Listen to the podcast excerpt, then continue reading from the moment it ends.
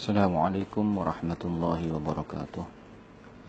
بسم الله الحمد لله ولا حول ولا قوة إلا بالله أشهد أن لا إله إلا الله وحده لا شريك له وأشهد أن سيدنا ونبينا محمدا عبده ورسوله الذي لا نبي بعده. اللهم صل على سيدنا محمد الفاتح لما أغلق والخاتم لما سبق ناصر الحق بالحق والهادي إلى صراطك المستقيم وعلى آله حق قدره ومقداره العظيم.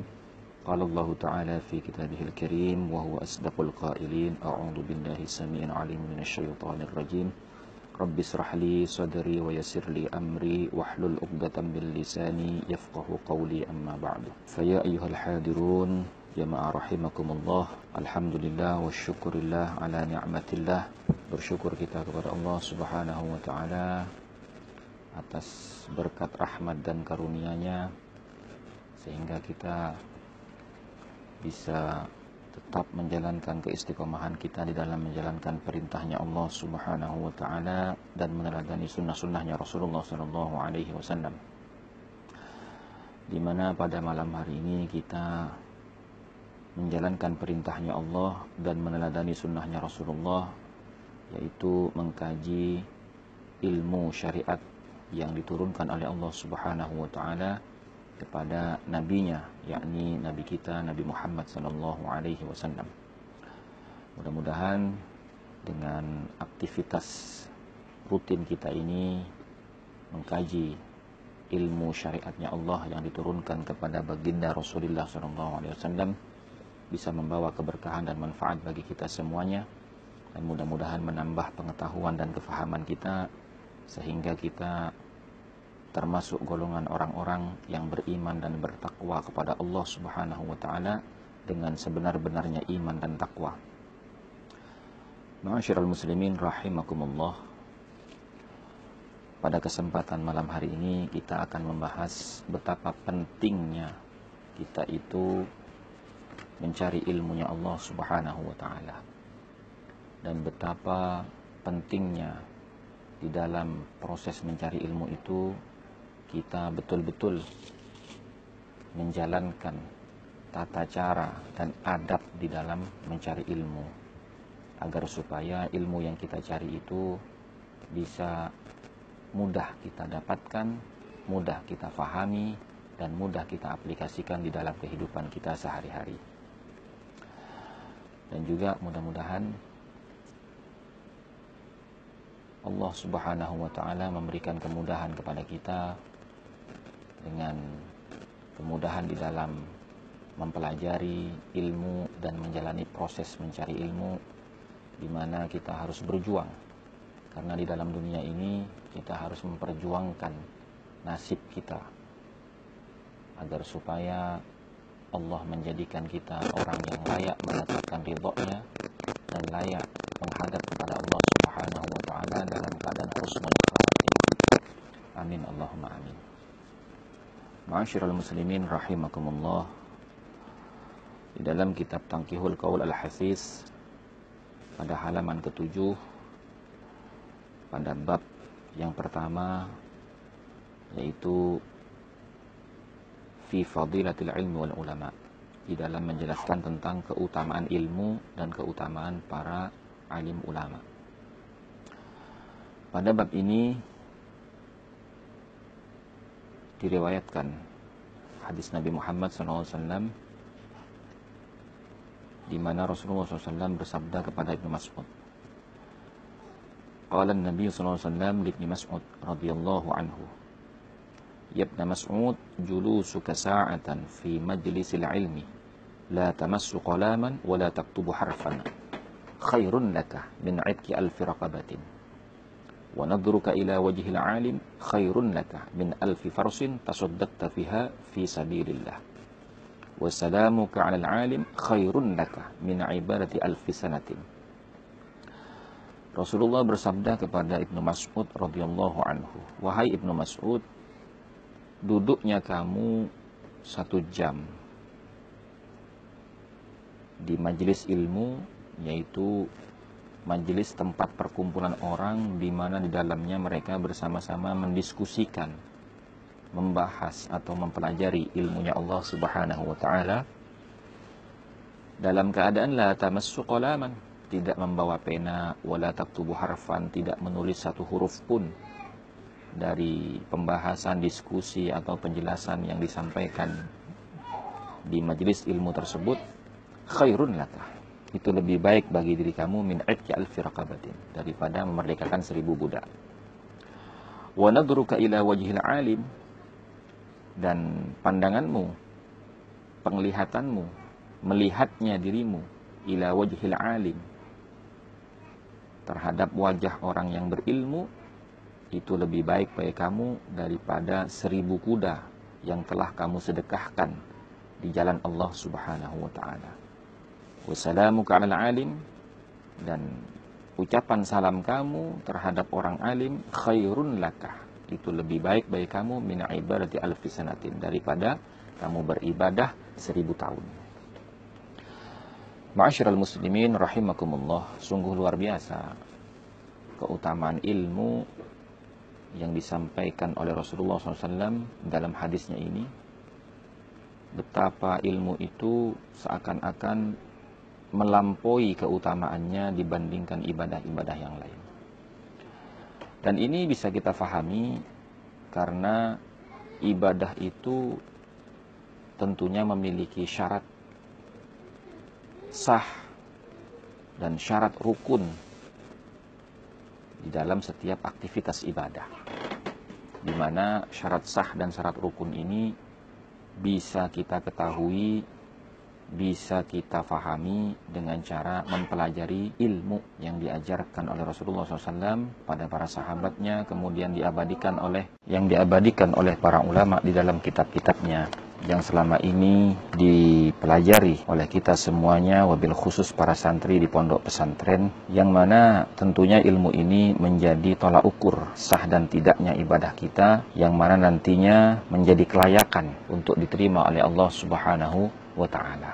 Dan yang terpenting di dalam mencari ilmu ini adalah bagaimana tata cara kita dan adab kita di dalam mencari ilmunya Allah Subhanahu wa taala atau mempelajari ilmunya Allah Subhanahu wa taala dari para alim ulama, para guru-guru kita sehingga harapan kita proses belajar yang kita jalankan ini menjadi mudah untuk kita mempelajarinya dan memahaminya serta menjalankannya atau mengaplikasikan apa yang telah kita pelajari dari para dari para alim ulama dan para guru-guru kita di dalam kehidupan kita sehari-hari. Mengenai para ulama ini, ma'asyiral muslimin rahimakumullah, betapa di akhir zaman ini banyak di antara kalangan masyarakat kita yang tidak mengerti bagaimana memposisikan diri di hadapan para alim, para ulama, para guru, para ustadz yang dimuliakan oleh Allah Subhanahu wa taala. Rasulullah SAW bersabda tentang kemuliaan para ulama di dalam hadisnya akrimul ulama muliakanlah para ulama fa innahum indallahi kurama karena sungguhnya mereka para alim para ulama ini mulia di sisi Allah Subhanahu wa taala mukramuna dan dimuliakan oleh para malaikatnya Allah Subhanahu wa taala.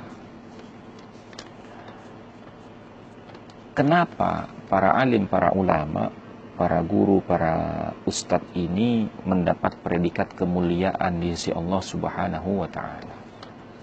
Apa sebabnya?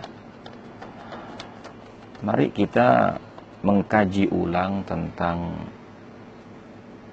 bagaimana Allah perintahkan kepada seluruh makhluknya di alam dunia ini khususnya jin dan para malaikat untuk bersujud kepada Nabiullah Adam alaihi salam.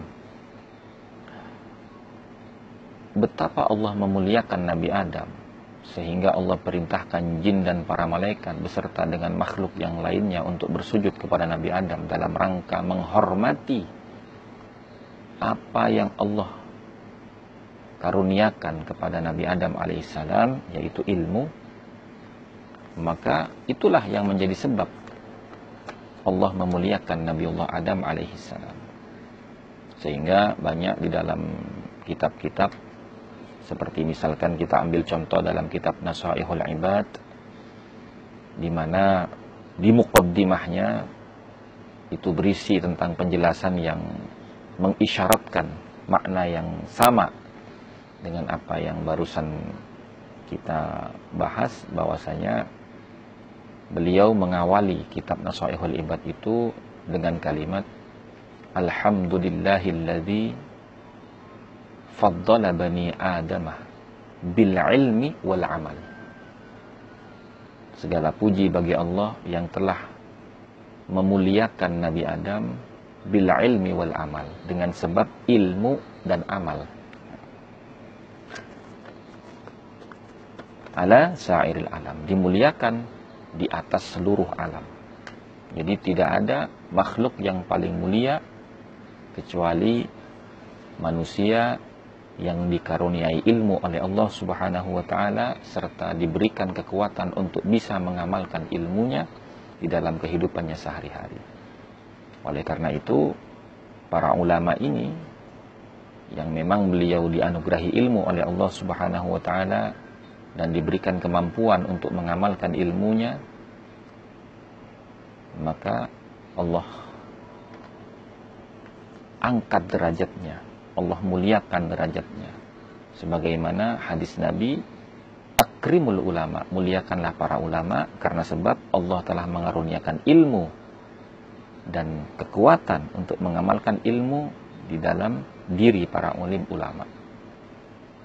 Fa innahum 'indallahi kurama karena mereka itu dimuliakan oleh Allah Subhanahu wa taala dan mulia di sisi Allah. Mukramuna dan dimuliakan oleh para malaikatnya Allah Subhanahu wa taala. Kalau kita melihat betapa beratnya para alim, para ulama ini yang mana beliau menjadi penyambung tongkat estafet perjuangan dakwahnya Rasulullah Shallallahu Alaihi Wasallam sehingga Rasulullah itu menyatakan di dalam hadisnya al-ulama warathatul anbiya. Ulama adalah pewarisnya para nabi. Kalau kita melihat para nabi itu betapa beliau itu memiliki tanggung jawab yang besar.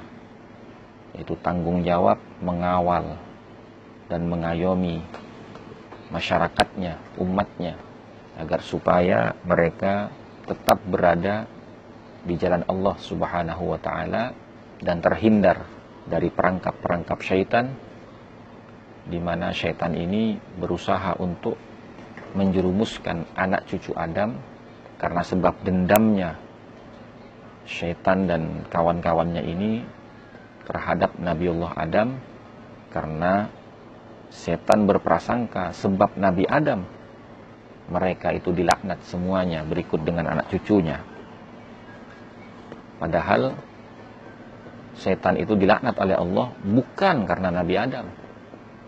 Tapi mereka dilaknat itu karena keingkaran mereka terhadap perintahnya Allah Subhanahu wa taala di mana kita sama-sama meyakini dan sama-sama memahami bahwasanya perintahnya Allah itu wajib dilaksanakan. Baik perintah itu menyenangkan hawa nafsu kita atau perintah itu malah justru tidak menyenangkan bagi hawa nafsu kita. Maka sebenarnya iblis itu mencari-cari kesalahan demi untuk membela kesalahan dirinya. Kalau dalam bahasa populer zaman sekarang itu mencari pembenaran, bukan mencari kebenaran. Allah Subhanahu wa taala di dalam Al-Qur'an berfirman, "Wa kadzalika ja'alna likulli nabiyyin aduwwa syayatin al-insi wal jin." Demikianlah kami menjadikan bagi para nabi adu wasyayatin al-insi wal jin, permusuhan dari bangsa jin dan manusia. Jadi kita sama-sama tahu bahwasanya syaitan itu bukan makhluk, tapi setan ini adalah sifat karakter atau perilaku dari makhluknya Allah Oleh karena itu, apabila ada perilaku yang tidak baik, ada perilaku yang bertentangan dengan syariatnya Allah, bahkan menentang perintah dan larangannya Allah, bahkan cenderung mempengaruhi orang untuk menjauh dari perintah dan mendekat kepada larangan Allah, maka inilah yang disebut dengan setan. Oleh karena itu di dalam surat An-Nas Allah katakan, Qul a'udzu birabbin nas, malikin nas, ilahin nas, min syarril waswasil khannas.